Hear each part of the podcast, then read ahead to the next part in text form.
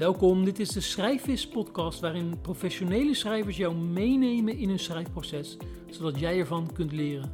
Mijn naam is Dennis Rijnvis en ik ben de oprichter van schrijfvis.nl. In deze aflevering spreek ik met wetenschapsjournalist Govert Schilling. Zodra je s'avonds naar buiten gaat, de meeste mensen kijken misschien om zich heen van waar kan de hond uh, uh, zijn behoefte doen. Ik kijk altijd als eerste omhoog. Even checken van, zijn de sterren zichtbaar of hangen de wolken voor? Uh, klopt het allemaal nog? Govert Schilling is een van de bekendste Nederlandse schrijvers op het gebied van sterrenkunde. Zijn artikelen verschijnen in kranten en tijdschriften zoals de Volkskrant en New Scientist. Maar hij schreef ook vele tientallen boeken voor volwassenen en kinderen. In deze podcast geeft Govert schrijftips, maar het gaat ook over zelfvertrouwen. Want hoewel hij bekend staat als dé schrijver op het gebied van astronomie, volgde hij nooit een opleiding voor sterrenkunde of schrijven. Hij leerde alles zelf. Hoe kreeg hij dat voor elkaar? Ik weet niet of jij jezelf ooit sterrenkundig hebt genoemd, maar ik, ik verkeerde ooit in de veronderstelling, Govert Schilling, sterrenkundige. Maar jij, jij hebt dus nooit echt een soort van de standaard opleiding gedaan van sterrenkunde? Nee, ik heb, uh, heb ik uh, heb helemaal nooit een universitaire opleiding gedaan. Ik heb een HBO-opleiding in uh, werktuigbouwkunde gedaan, lang geleden. Om een onduidelijke reden. En mm. daar ben ik nooit in gaan werken. Ik heb er wel veel baat bij gehad trouwens. Ik, ik, heb denk ik mijn exacte denkraam aan die vierjarige HTS-opleiding te danken. Maar sterrenkunde was voor mij altijd een hobby en een vrije tijdsbesteding. En ik vond schrijven al leuk vanaf de lagere school. Schreef je over de schoolkrant en dat soort dingen? Ja, precies, al dat soort dingen, altijd. Dus dat kwam gewoon automatisch bij elkaar. En je hebt gelijk, heel veel mensen denken dat ik professioneel astronoom ben, sterrenkundige. En ik word vaak zo genoemd en uh, ik probeer het altijd te corrigeren, want het is niet zo aardig naar de mensen die een hele zware uh, academische ja, ik, ik zat me dat net af te vragen, want het woord sterrenkundige betekent toch eigenlijk gewoon kundige op het gebied van sterren. Nou, dat is een leuke anekdote. Ik interviewde een keer een astronoom in Leiden. Hmm. En die wist dat ik toen in Utrecht woonde. En we waren klaar met het interview en ik had mijn jas al aan. En hij zei van, bij wie heb jij eigenlijk gestudeerd? Vroeg hij zo, wie van ja. zijn collega's in Utrecht? Dus ik, dit is lang geleden, ik nog een beetje schoolvoet. ik heb helemaal nooit uh, gestudeerd en uh, ik ben eigenlijk geen sterrenkundige. En dat was uh, Harm Habing en die zei toen, ik ben het nooit vergeten, die zei toen, er zijn heel veel manieren om kundig te worden op het gebied van de sterren ja. dan via een academische opleiding. Ja. Dat vond ik wel heel mooi.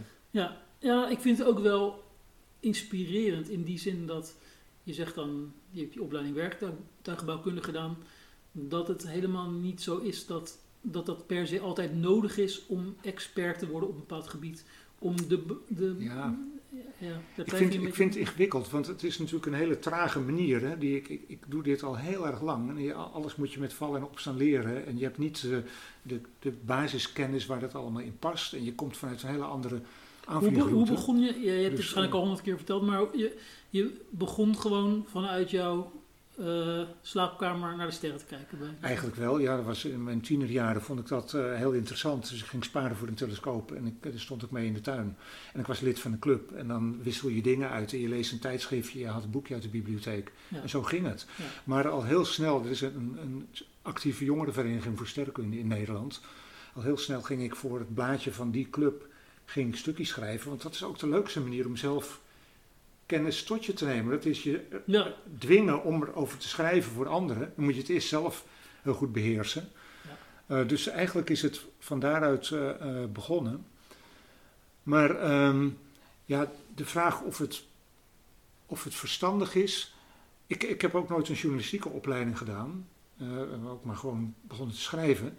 En ik wil heus niet zeggen dat, dat, dat, je, dan min, dat je dan minder goed kunt schrijven. Maar uh, een aantal dingen zouden misschien wel handig geweest zijn om gewoon door een docent geleerd te krijgen in plaats van dat je het zelf ja, moet gaan ontdekken. Het is niet per se de snelste weg. Het is niet per se de snelste weg. Het voordeel is wel, als ik, ik heb natuurlijk op middelbare school gedacht van later sterrenkunde studeren, want dat vind je dan leuk. Ja. En dat was een veel te zware studie voor mij. Ik denk dat ik dat niet makkelijk had aangekund. Heb je dat bewust niet ge gedaan dan? Betrekkelijk bewust heb ik dat niet gedaan, ja. Ik, uh, het, was zo, het zou voor mij ook wel een flinke route geweest zijn, maar ik hoorde wel van andere mensen binnen die vereniging die op de universiteit zaten inmiddels en, en die mij duidelijk maakten, het heeft helemaal niks meer met uh, sterrenkijken te maken, het is heel veel wiskunde en heel ingewikkeld. En toen dacht ik, nou weet je, misschien maar niet.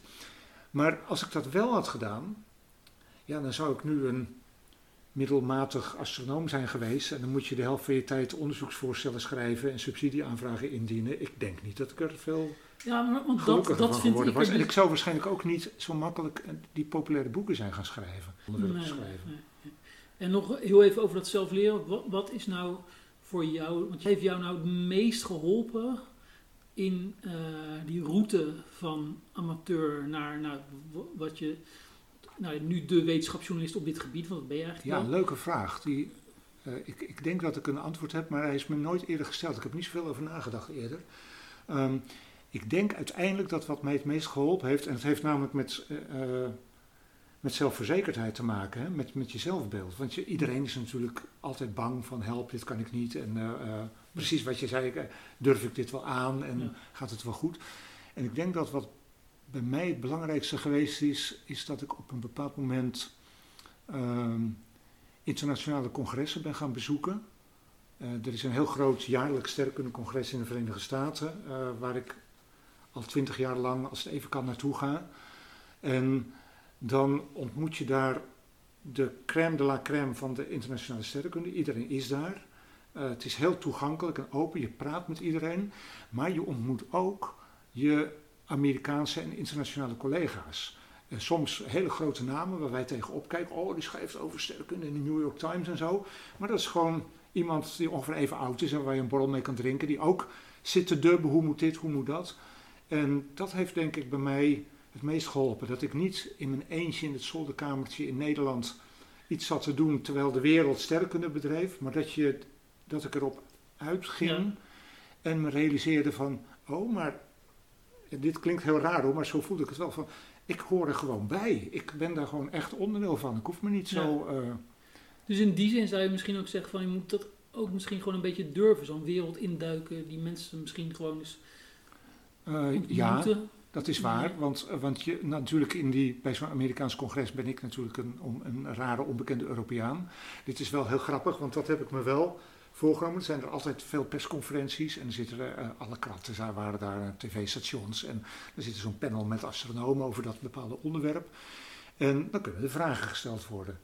En ik heb een vreselijk Amerikaans accent, maar ik beheers de taal goed genoeg. Dat is het probleem Mhm, niet. Maar ja. iedereen hoort meteen dat ik uit Nederland kom. Maar ehm, ik heb mij op een bepaald moment voorgenomen dat ik, dit klinkt heel gek, maar het werkt wel, dat ik bij elke persconferentie stel ik een vraag. Ja, Iedereen moet weten dat ik daar zit en wie Ja. ik ben. En eh, na afloop ga je die mensen nog even spreken. En dat maakte daarna weer heel makkelijk om ze te mailen of te bellen, want dan weten ze nog wel wie je bent. En, dus het is echt wel, ja, het is echt wel een beetje zo'n wereldje. een internationaal netwerk heeft mij Ja. uiteindelijk Ja. voldoende Ik denk dat dat bij veel eh, ehm, beroepen wel zo is. En ook, ook wel op het gebied van schrijven bijvoorbeeld. Ik denk dat het mij ook veel heeft gebracht om toen bijvoorbeeld gewoon naar borrels van wetenschapsjournalisten Ja. te gaan. En, eh, Gewoon met collega's. eh, ja, praten, gewoon, toen waren het nog niet eens collega's, maar gewoon eh, als ik hoorde van oké, die vrouw daar werkt bij Quest, daar wil ik wel Mhm. graag voor schrijven. Ja. Dan ging ik daar een praatje mee maken. En niet eens met nou het idee van ik ga hem meteen aanbieden, Aha. maar gewoon alleen maar inderdaad om te weten, laten weten dat jij bestaat. Ja. En schrijven heb je eigenlijk ook jezelf aangeleerd. Dus hoe is dat proces gegaan? Want dat is, ja, je kan met heel veel schrijvers praten op conferenties, maar daar ga je niet beter van schrijven. Ehm, nee, ik heb. Weet je, er is in Nederland is er zo'n stichting cursussen wetenschapsjournalistiek Ja, of communicatie. En daar heb ik jaren geleden wel eens gastlessen voor verzorgd. ja. En eh, in het begin dacht ik, ja, moet ik dat nou doen? Wat kan ik mensen nou leren over hoe je moet schrijven? Ik doe zelf ook maar wat. Dus ik, ik had het idee dat dat niet ging. Maar dan ga je dat toch een keer proberen. En dan zie je dat je over de teksten die andere mensen schrijven wel degelijk hele zinnige dingen kunt zeggen. En dat je blijkbaar daar eh, uitgesproken en, nuttige gedachten over hebt. Wat ik daar wel heb ontdekt, volgens mij is dat wel waar, dat het wel iets is wat je in je moet hebben. Waar dat vandaan komt, weet ik niet. Maar er zijn mensen die hebben het in zich en die kunnen door zo'n cursus kunnen ze daar, zich daarin bekwamen en dan worden ze veel beter. ja. Er zijn ook mensen die hebben het niet in zich en die kunnen geen soepel lopende zinnen op papier krijgen. En dan kun je cursussen volgen wat je wil en dan gaat het nooit wat worden. Dat, dat denk ik eerlijk gezegd wel. Waar eh, uitzicht dat in dan? Waar zie je dat aan, aan die zin? Geen structuur, rommelige zinnen, geen gevoel voor taal, eh, allemaal dat soort dingen. Wel interessant, want je, eh, ik, ik vraag me dat inderdaad wel eens af. Kan je het altijd leren? Jij zegt eigenlijk Ik dus denk nee. dat dat niet zo is. Ik denk Nee. dat, je, dat je niet altijd, dat niet iedereen heel goed en mooi en soepel kan leren schrijven.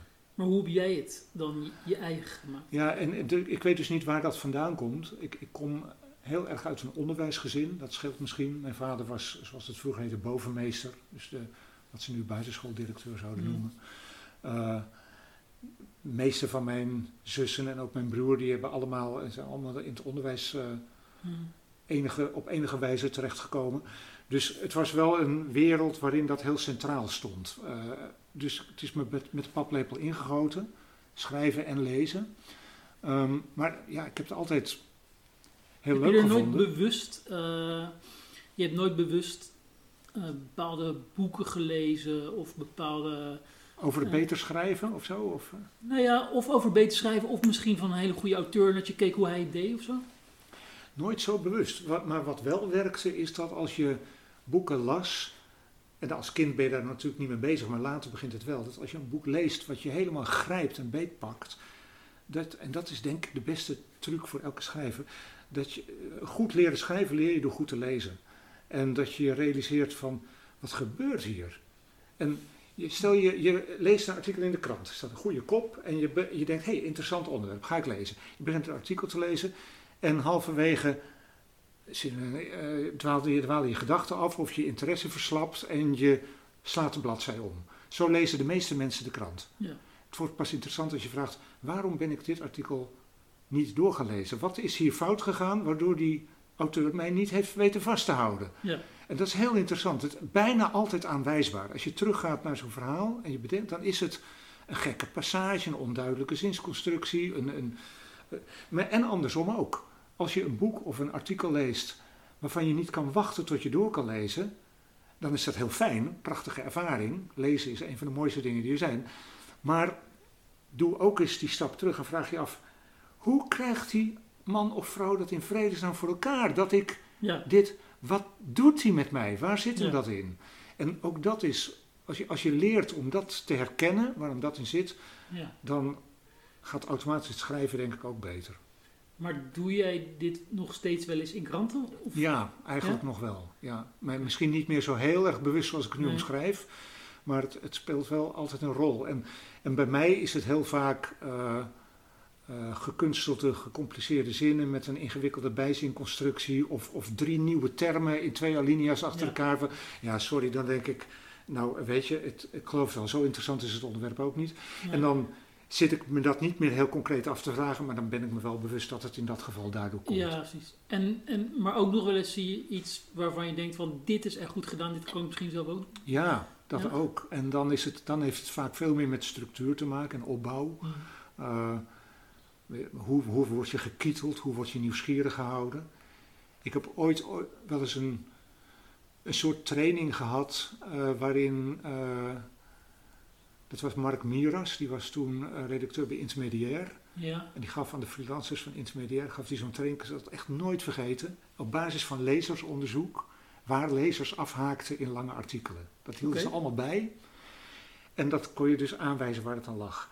En Mark zijn uiteindelijke eh, eh, conclusie. En dat is natuurlijk heel erg overdreven gesteld. Maar hij zei, eigenlijk moet elke alinea met een cliffhanger eindigen.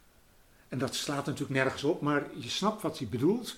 Je, je moet de lezer geen kans geven om te stoppen met lezen. En, dat cliffhanger kan natuurlijk, dat is misschien hier overdreven, want je denkt dan meteen aan, eh, eh, weet ik veel, eh, in een serie dat iemand eh, valt die van een cliff af of niet, zeg maar. maar in een, dat kan iets heel kleins zijn waarschijnlijk in een artikel. Het zijn bijna altijd hele kleine dingen. Maar het is bijvoorbeeld dat je... nou ja, ik vind het moeilijk om te omschrijven in algemene termen. Maar je kunt je zomaar bij een moeilijk onderwerp voorstellen dat je in een alinea iets uitlegt. Maar je weet, en vaak gaat het onbewust, je weet dat er nog een grotere vraag achter zit. Noem die nog even niet, want die vraag zit ook bij die lezer. En die denkt, oh, dit snap ik wel. Maar, maar er zit bij hem of haar ook dat gevoel Ja, van, ja, dan hou je hem al even vast. Want hij heeft, je geeft hem het gevoel, ik heb je nog niet alles verteld, er komt nog meer. ja.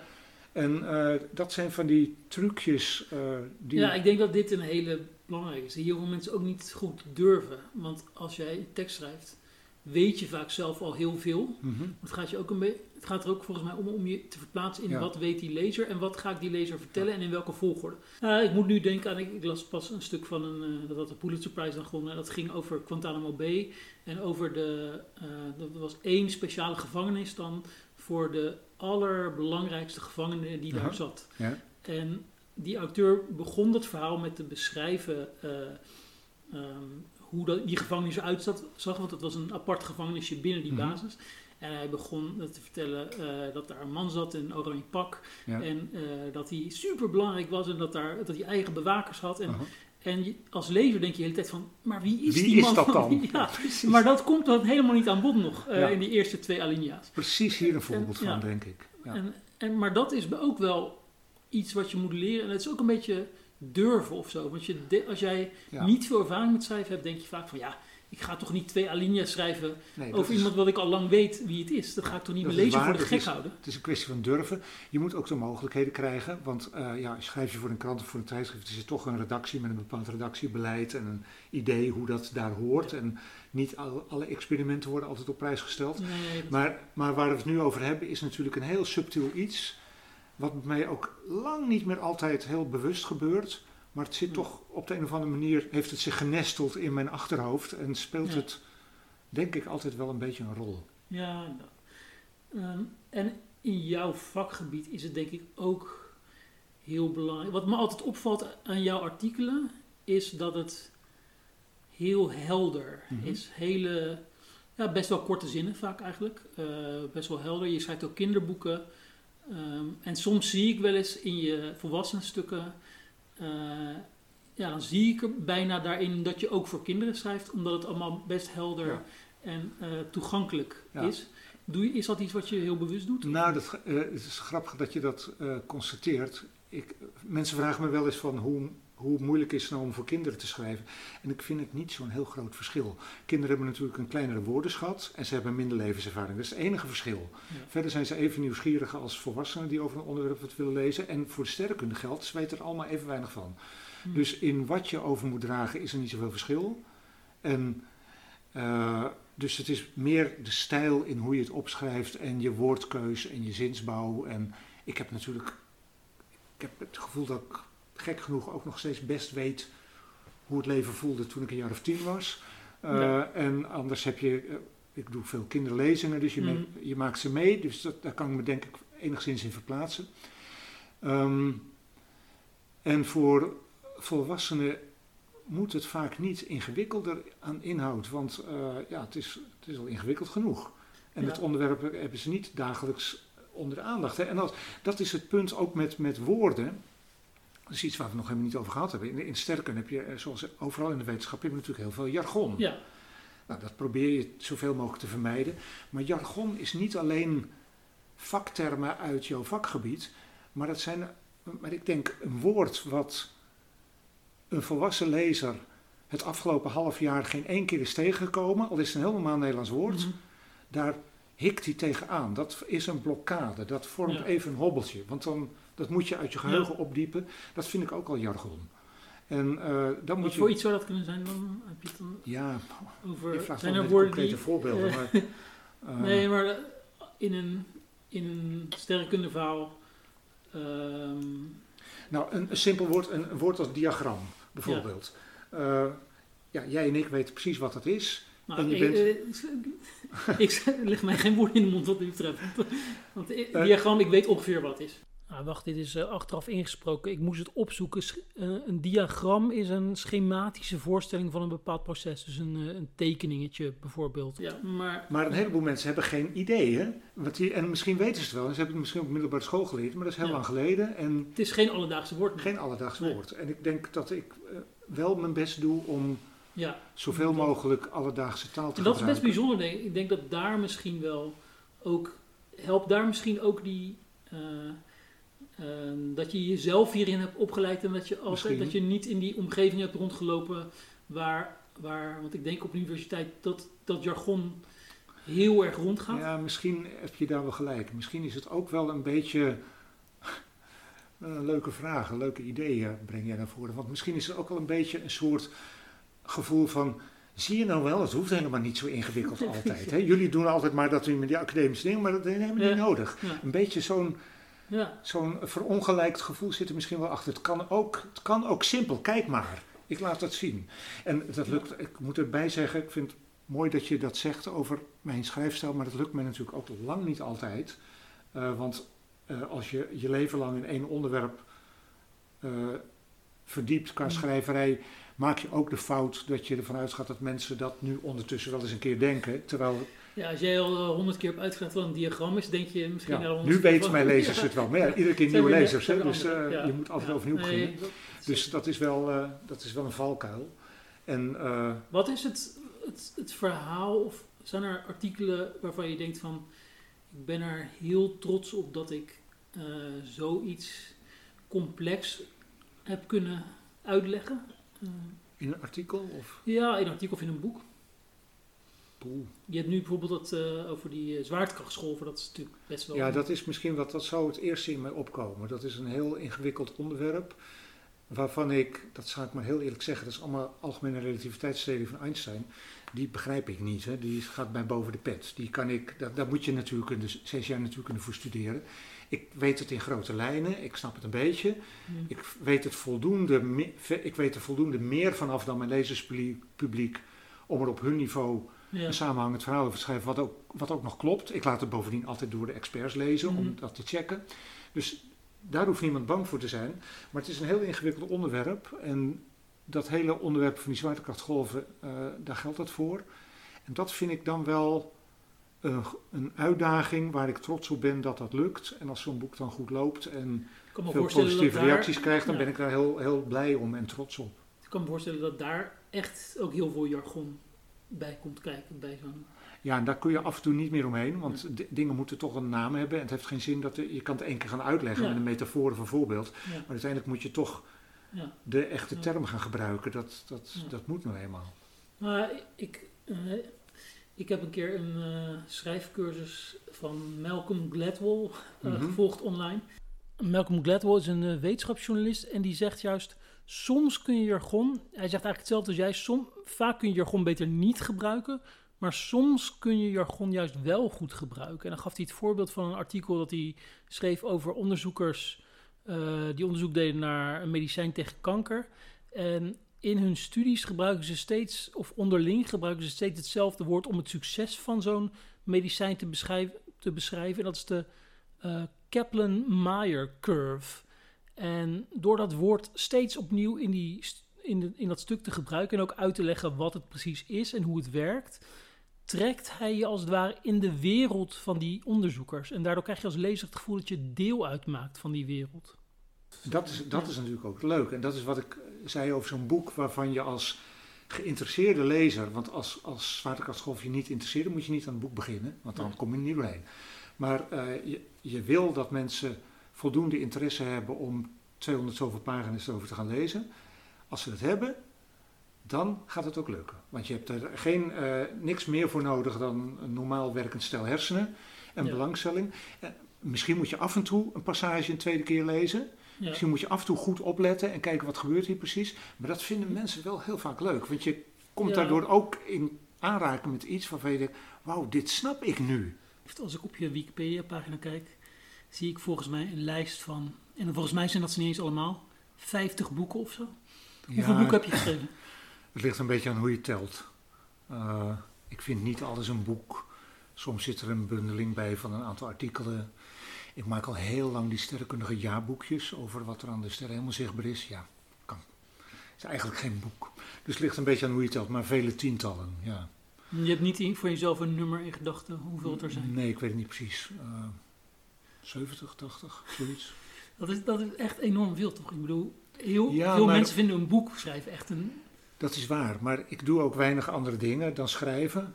En eh, ja, een, een- ik zie een boek eigenlijk niet heel anders dan een, dan een heleboel eh, artikelen of zo. Natuurlijk moet er meer samenhang zitten in een boek. En dat, eh, dat, dat komt er ook wel goed. Maar ja, het is, het is een gemiddeld boek misschien 50.000, 70.000 woorden of zo. Ja, dat is hetzelfde als... eh, als twintig grote artikelen. Ja, dus voor, je, je ziet het niet echt als een... Ik denk dat heel veel mensen die een boek gaan schrijven wel gaan zitten en zeggen maar van... Oké, nu ga ik een boek schrijven. Dit is iets speciaals. Is dat bij jou nog zo? Ehm, ik vind het iedere keer wel speciaal, want elk boek is weer anders. En ik vind het eh, heel erg leuk om aan een nieuw project te beginnen. Vooral doordat je dan een bepaald idee in je hoofd hebt van waar wil ik heen, uh, hoe pak ik het aan, hoe deel ik het in, hoe ziet het eruit. Dus ik heb op de een of andere manier, voordat ik begin te tikken, heb ik wel al een soort beeld van hoe dat boek gaat worden. Uh, en dan is het iedere keer leuk om daar opnieuw aan te beginnen. Maar dat idee dat je echt aan het begin van een enorme bergbeklimming of zo staat, dat heb ik niet Nee? meer zo. Nee. En, en misschien ook niet zo vaak gehad, want ik zit nu te denken aan het aller, allereerste boek wat ik schreef. Dat was lang geleden, eind 1985. Eh, de beroemde komeet van Halley stond weer op het punt om langs eh, te komen, aan de hemel te verschijnen. En toen sprak ik met een uitgever van zou het niet leuk zijn om een boek voor een breed publiek over de komeet van Halley te doen. Hm. En die uitgever zei heel terecht, ja, misschien best een leuk onderwerp, maar een boek alleen maar over die komeet is een beetje weinig. Kan het niet hierover gaan en daarover en daarover. En het werd een grappig boek met, ik geloof, tien of twaalf hoofdstukken met allemaal tot de verbeelding sprekende onderwerpen uit de sterrenkunde, waarvan Ja. de komeet Halley er één was. Ja. En dan zie je al meteen dat het, dat eerste boek van mij was ook een soort bundeling van een aantal verschillende eh, Ja. onderwerpen. En die vat je dan op die manier samen. Dus ja, ik denk dat pas een paar jaar later, toen ik echt voor het eerst een, een groot boek maakte over één thema. Dat was trouwens over kosmologie, dus zeg maar over de bouw en de structuur en de evolutie van het heelal. Begin jaren 90 was dat. Toen had ik echt het gevoel van, dit is mijn eerste echte boek. Waarom En- was dat dan pas echt? Ja, omdat dat eh, veel meer een, een boek had, was met één bepaalde samenhang over een diepgravend onderwerp. Maar die andere boeken. Want wat was het precies voor onderwerp? Kan je er iets... Ja, dat ging echt over de toen nieuwe inzichten over eh, de evolutie van het heelal. Hoe zijn sterrenstelsels ontstaan? Wat Ja. weten we ervan? Hoe is dat in de loop van de miljarden jaren gebeurd? Ja.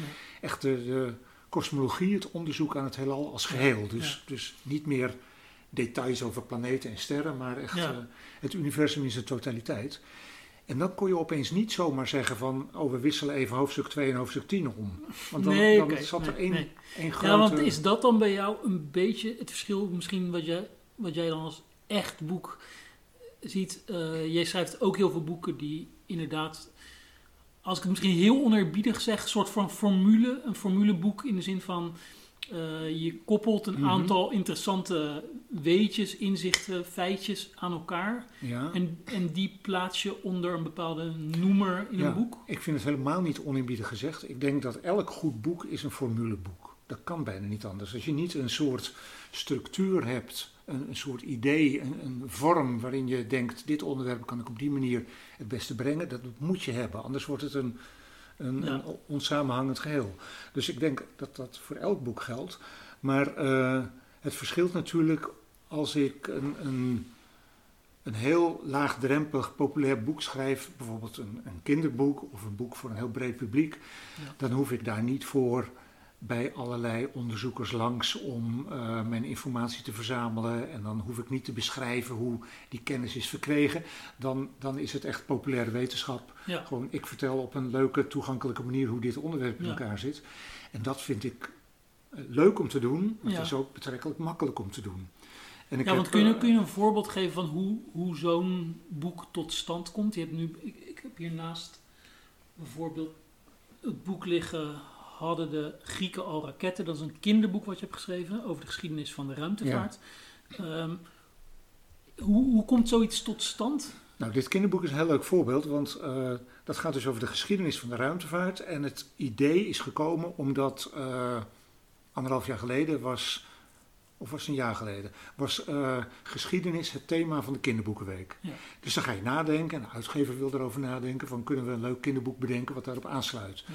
En dan ga ik het natuurlijk niet over ridders en, eh, eh, en. Grieken in zijn algemeenheid hebben. Maar die Grieken zitten dan wel in de titel, want dat leren ze allemaal op school. Maar ik dacht, ik doe de geschiedenis van de ruimtevaart. En dan ga je bedenken, hoe kan ik dat onderwerp doen? In een vroeg stadium nadenken over de vormgeving, over een illustrator met wie je samen kan werken. En dan is het echt een kwestie van nou, het boek moet zoveel pagina's hebben. Eh, sommige onderwerpen kunnen op twee pagina's, andere hebben er misschien vier nodig. En ik maak een schema hoe dat boek eruit moet gaan zien qua, ja, dat kost je misschien een halve dag, omdat... En, en dan kies je, hoe, kies, hoe kom je tot zo'n structuur? Want dit is denk ik ingedeeld op zo'n beetje... Helemaal chronologisch dit. Jaartallen, omdat, hè? het zo, omdat het echt zo geschiedenis is, dacht Ja. ik, dan wil ik het ook chronologisch doen, met jaartalletjes erbij. Ja. Dan moet het ook precies Ja. van, van vroeger naar nu.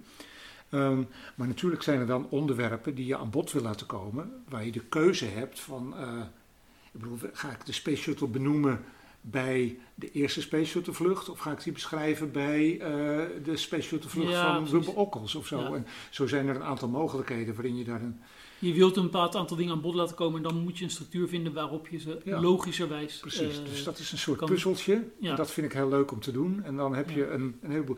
Een nog beter voorbeeld. Ik heb een, eh, dat zijn ook weer die boekjes die ik nauwelijks durf mee te tellen in boeken, want het zijn hele kleine, simpele boekjes. Ik heb een aantal keren kleine, goedkope ABC-boekjes geschreven over hele actuele onderwerpen in de wetenschap. Het Higgs-deeltje werd ontdekt in de deeltjesfysica grote doorbraak in 2012. Drie we- vier weken na die ontdekking lag mijn ABC van het Higgs-deeltje in de winkel. Heeft heel goed gelopen, want iedereen wilde daar graag Ja. van weten. Helemaal opgezet op een manier dat ik het snel kon maken. Dus het was echt een alfabet. Eh, de X, Y, Z voegde ik samen, oké. Maar elke letter komt verder aan bod. Je hebt een hele lijst thema's en onderwerpen die je aan bod wil laten komen. Maar elk deelgebied kan onder verschillende noemers. Dus je hebt een heleboel trefwoorden. Je moet even kijken, oké, heel duidelijk. De, dat moet bij de B, dat kan niet anders. Die moet bij de P. Ja. Hier moeten we een beetje schuiven en puzzelen. Uiteindelijk heb je de structuur voor een boekje. Ja, En hoef je alleen nog maar te tikken. ja. ja. Is er ook nog steeds de Govert Schilling die gewoon eh, hier voor het raam naar de ster staat te kijken, of niet? Ehm, ja, tot op zekere hoogte. Ik, er staat hier in mijn werkruimte een telescoop. Dat was de telescoop waar ik als 15-jarig jongetje voor heb gespaard. Met een vakantiebaantje bij de Albert Heijn. Ja, Eh, en die doet het gewoon. op een houten stellage. Maar, ja, maar hij staat hier eigenlijk voor de sier. Die gaat niet vaak naar buiten. Nee. Maar als er nou iets heel bijzonders is, dan ga ik dat zeker niet. Dus een maansverduistering, een meteorenzwerm, een mooie samenstand, die ga ik allemaal wel zien. Mhm.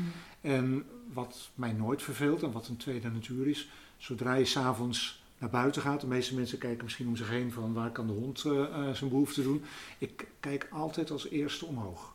Even checken van, zijn de sterren zichtbaar of hangen de wolken voor? Eh, Mm. klopt het allemaal nog? Zijn ze er eh, eventjes ja, je omgeving weer... Maar zie jij, denk je, andere dingen dan andere mensen in die sterrenhemel? Of Ben, ben je- Nee. Nee? Nee, mis- misschien is, is doordat je het onderwerp goed kent, dat ik me iets beter bewust ben van die uitgestrektheid van die kosmos en van onze gekke kleine plek daarin. Dat, dat zijn misschien een paar dingen die op een contemplatief moment af en toe naar boven Maar ik borrelen. vind het wel grappig, want volgens mij heb jij daar toch ooit, heb jij daar niet ooit een cursus in, een soort van lezing ingegeven, Ja, dat, eh, hoe nietig wel. wij zijn ja, of zo? dat vind ik ook een heel mooi. En dat vinden mensen ook vaak heel mooi eh, om te horen. Dat, eh, ik, ik, heb, eh, ik geef over dat onderwerp best vaak lezingen, of het komt vaak voor als onderdeel van een algemene lezing. En ik heb twee jaar geleden met eh, zangeres Leonie Jansen hebben we een theatervoorstelling gemaakt met liedjes en vertellingen over de kosmos. En daar was dat eigenlijk de centrale rode draad in. Dus dat Welk gevoel waar. maakt dat los, denk je, bij mensen van een soort van rust, een soort van berusting?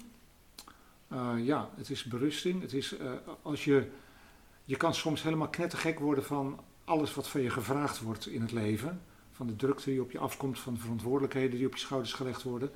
En dan is het heel fijn om even te realiseren dat je er totaal niet toe doet. Dat die kosmos eh, gewoon lekker zijn gang gaat, ook zonder jou. S- sommige mensen vinden het ook heel beangstigend. En ik Wat dan bijvoorbeeld vinden ze beangstigend? Ja, omdat je wel heel klein bent. En het dus echt niet toe doet. Dus het, het, En, kle- en- je- en wat dingen- je kunt je dan ook- bijvoorbeeld, zeg maar, daarbij? bij eh, sommige mensen. Nee, bij eh, dat je zo klein bent. Eh, in, in verhouding tot dat. moet ik dan denken aan van, nou voordat het, het licht dat jij nu ziet van die ster, dat is al. die ster bestaat misschien al niet meer of zo. Ja, zoiets? wij, als je de geschiedenis van het heelal, dat, dat heb ik in die voorstelling met, met Leonie benoemd, met een encyclopedie uh, op het toneel. Als je de geschiedenis van het heelal vergelijkt met een veertiendelige encyclopedie, elk boek duizend pagina's, dan is de geschiedenis van Homo sapiens is de onderste helft van de laatste pagina van deel 14. Ja, dat is ja, niet dat- veel. Nee. En als je kijkt naar onze plek in de ruimte, dat wij op een piepklein planeetje om een heel gemiddeld sterretje in een uithoek van een van de miljarden sterrenstelsels draaien, ja, dat, dan, stel, dan doe je er niet echt toe. Ja. Dat kan voor sommige mensen ontnuchterend zijn en dan vinden ze dat misschien een beetje beangstigend, zo'n grote overweldigende kosmos. Maar ik vind het juist een heel mooi gevoel, omdat je er ook daadwerkelijk echt, echt onderdeel van bent. Je komt eruit voort. En eh, als je die kosmos mooi vindt, en dat is die, dan ben je dus weliswaar een heel klein onderdeeltje, maar wel een Ja, integraal onderdeel Ja. van iets heel moois. Maar het, het geeft relativering naar een heleboel dagelijkse eh, beslommeringen. Ja, Ja. die deadline die je nog moet halen bijvoorbeeld. Ja, maar ook gewoon dingen die in de wereld gebeuren. Dat Ja. ook. Ja, precies. Nog Als laatste nog een beetje, een- het is een beetje een gezochte vraag, maar eh, dat is ook vaak vast aan je gevraagd. Je- Wil, zou jij naar de ruimte gaan als het kon, of niet? Ja, meteen. Ja? Als het, als ik, het, het kan nu, hè. je kan een toeristenticket kopen. Ja, is dat de ruimte echt? Ah, dat, dat is net, net niet echt, maar dan kom je tot 100 kilometer hoogte. Dan zit je echt in het zwart van de ruimte. Je bent een paar minuten gewichtloos. Je ziet de aarde, de kromming van de aarde, de dampkring van buiten. Lijkt me spectaculair, maar dat kan ik niet betalen. Want dat is Dus, zo'n eh, zo'n eh, soort raketvliegtuig. Is gewoon een vliegtuig? Wat Ja, dat, er zijn verschillende projecten die dat aan het ontwikkelen zijn. En in ieder geval la- landen ze, landen sommige daarvan als een vliegtuig, maar ze gaan gewoon Mhm. Met uh, raketlancering omhoog. Eh, als iemand zou zeggen van, goh, we moeten een keer een eh, goede journalist mee om er mooi over te schrijven en wij betalen de vlucht, dan ga ik meteen. Ja. Dus Maar ik denk niet dat het eh, gaat is het zo duur als je, als je dat wil doen? Die tickets kosten een half miljoen of zoiets. nee, nee, dat gaat natuurlijk dat- goedkoper worden ja, en over twintig jaar is het waarschijnlijk Ja. is het waarschijnlijk even duur als een hele luxe vakantie. Ja. Zoals mensen nu een cruise naar Antarctica doen voor, eh, voor 30.000 euro. Als je het dan nog kan, misschien als het dan goedkoper is, dan zou je het misschien. Ja, ik denk het kan. wel. Ik denk dat wanneer dat eenmaal in de buurt komt van een jaarinkomen, dan denk ik, nou, dan kan je wel eens 10 Ja? jaar, 10 jaar lang 10% van je omzet voor opzij zetten. Dan doe je dat gewoon. Misschien zou ik dat dan wel willen doen. Ja, ah, grappig. En eh, zou jij het ook leuk vinden dan om bijvoorbeeld de, de copywriter te worden voor zo'n bureau? Die dat, eh, zou, jij, zou je dat kunnen, denk je? Nee, dat denk ik niet. Ik, ik ben heel slecht in eh, iets doen omdat iemand anders vindt dat het moet. Nee, maar dan zou je inderdaad mensen moeten overtuigen om daarheen te gaan, zeg maar. Ja, nou, dat, dat, weet Dat ik doe je niet echt, hè? Je, je bent Te echt puur een, eh, ja, precies, een puur journalist. Echt. Nee, ik ben veel meer een popularisator ja, en een schrijver. Ik denk dat ik, ik meer Ja, Ik- ik journalist ben ik ook niet, eh, dat is nieuw. Ik voel mezelf Nee, veel meer klopt. schrijver Ja. dan journalist. Eh, Maar, maar laat ik zo zeggen, je, geen, je eh, schrijft om vanuit je interesse en omdat je iets wil overbrengen op mensen Ja. en, niet, en niet op een commerciële manier. Nee, het is, het is een beetje dat schoolmeesterachtige wat ik heb.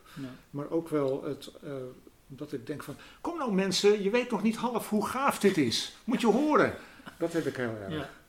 Oké, het laatste wat me nu nog te binnen schiet en wat ik leuk vind om te bespreken. Je moet maar kijken hoe, in hoeverre je mee wil gaan. Ik eh, vind het altijd interessant om te kijken hoe doet een schrijver het zakelijk, zeg maar. En jij hebt superveel boeken geschreven sowieso.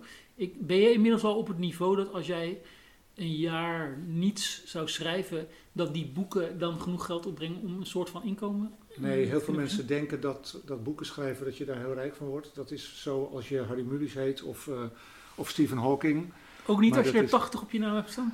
Nee, ik heb wel eens gezegd van eh, al die boeken hebben maar een kleine oplage. Dus om voldoende boeken te verkopen moet ik er gewoon heel veel schrijven. Heel veel verschillende titels. Hmm. Andere mensen doen, doen misschien, eh, hebben misschien één bestseller en die verkoopt eh 400.000 exemplaren. Ja. Als ik bij elkaar, ik denk niet eens dat ik daaraan kom bij elkaar. Als ik eh, bij elkaar aan de 200.000 of 300.000 boeken moet komen, moet ik 80 boeken schrijven. Omdat ze allemaal maar een kleine oplage hebben. En heel veel boeken blijven natuurlijk ook niet erg lang in roulatie. Eh, dus na een paar jaar dan eh, worden ze niet meer geherdrukt, want het loopt niet meer. Minder goed, de uitgever wil het risico niet meer nemen. Dus zeg maar de inkomsten vanuit mijn boeken, dat is dan grotendeels royalties.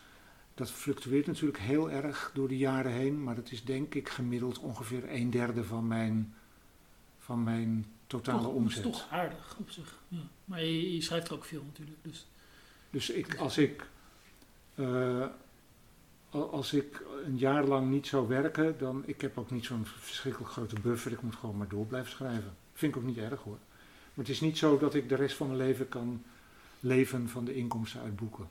En wat toch voor, voor schrijversbegrippen en ook voor wetenschapsjournalistbegrippen ben jij een bekende naam. Je bent op tv soms, je, uh, je, je, hebt veel boeken geschreven, je staat in de krant, in, in landelijke kranten. Uh, hoe uh, kun je in jouw optiek goed leven van schrijven of is het ook gewoon hard werken? Nee, ik kan er goed van leven en daar ben ik heel blij om. En dat lukt door hard te werken, maar dat vind ik geen, uh, geen straf. Maar het is wel zo dat al die dingen die je noemt, heb ik er wel bij nodig. En uh, dingen voor de omroep, dat levert verhoudingsgewijs heel weinig op. Maar dat is best wel goed voor je zichtbaarheid. Dus uh, de volgende keer als iemand dat onderwerp best een beetje interessant vindt en je ziet een boek van een naam liggen en hij heeft er opeens een gezicht bij, dan werkt dat waarschijnlijk. Ja. Dus ik denk dat dat elkaar versterkt. Uh, en artikelen schrijven voor kranten en tijdschriften doe ik niet alleen in Nederland. Ik schrijf best veel voor uh, Engelstalige tijdschriften. Als ik dat niet zou doen, zou dat ook heel veel schelen. Heb ik echt wel nodig erbij. Want dan ver verkoop je dan... Is dat dan een Nederlands artikel wat je dan vertaalt? Of nee, schrijf je gewoon apart nieuwe, voor... ja, nieuwe En betalen die beter dan Nederlandse kranten? uh, ja, dat wel. sommige een beetje beter en andere veel beter. Ja. Ben je een goede onderhandelaar? Nee, dat denk ik niet. Uh, ik denk, zoals bijna elke ZZP'er zal dat wel kennen. Je, je rolt er op de een of andere manier in. Je hebt daar nooit een training in gehad. Je moet voor je eigen portemonnee onder, onderhandelen. Dat voelt altijd een beetje ongemakkelijk. Dus dat heb ik wel heel erg moeten leren. Mm -hmm. En ik merk ook dat als, het, als ik iets heel leuk vind en het past heel goed in uh, qua tijd en, en, en situatie waarin ik zit, uh, dan denk ik, ja weet je, dit levert niet zoveel op, maar dat vind ik wel leuk om te doen. Enthousiaste mensen met wie ik werk. Dus dan, ja, dus dan, dan volg je meer je interesse dan je financiële. Ja. en, en bij een heleboel dingen valt er ook niet zoveel te onderhandelen. Nee, de krant ja, zegt gewoon, wij nee, betalen jou dit. Ja, nee, En, uh, in, de, in de journalistiek is het zo, ja, als je, als je 40 cent per woord krijgt, moet je eigenlijk al een soort van blij zijn bijna. Ja, toch? geloof Uh, zo, ja. ja, ja. En in de uitgeverswereld valt er ook niet verschrikkelijk veel te onderhandelen. Je kan wel zeggen, ik wil 20% royalty. Dan zegt iedereen, ja, dan gaat het boek niet door. Klaar. Ja, En dan sta je. Dus je moet dit ook gewoon doen, omdat je het gewoon eh, leuk vindt. Ja, het is gewoon mijn baan, hè. Het is gewoon mijn werk. En, eh, Ja, dat is gewoon je werk, maar het is wel, komt ook uit jezelf. Ja, Het is niet... dus ik ben, dat- dat, dat kan ik wel iedereen aanraden. Eh, eh, doe vooral werk waar je hart ligt. Want voelt het, het ook niet voelt het niet echt als werk voor je, of wel? Jawel, het voelt wel als werk. Eh, maar eh, niet dat ik het met tegenzin doe. Ja. Het is, het je- niet dat ik denk eh, van, nou jongens, hoeveel jaar moet ik nog tot ik met Nee, pensioen nee. mag? Eh, Ga je met pensioen, denk je, of ga je gewoon door? Nee, want ik heb helemaal geen pensioenopbouw. Oké, en dus zelfs dat als ik dat wel zou hebben, dan zou ik het nog onbestaanbaar vinden om te, een keer te zeggen, dit is de laatste punt die ik heb getikt en nou houden we ermee op. Dat waarom zou je? Ja, weet ik. Maar ik kan er ook, ik, het gaat dus ook niet. Want, eh, Ja. Maar ja, je, je gaat in ieder geval niet genoeg verdienen om die ruimtereis te maken. Dat is wel. Nee, dat zit er niet in. Dat moet een keer een cadeautje worden en dat zit er ook niet in.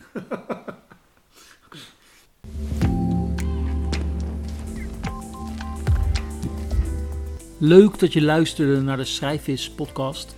Wil je op de hoogte blijven van deze podcast? Volg Schrijfvis dan op Instagram of abonneer je via Spotify of Apple Podcasts. Ik zou het ook geweldig vinden als je een recensie achterlaat bij Apple Podcasts. Veel schrijfplezier en tot een volgende keer.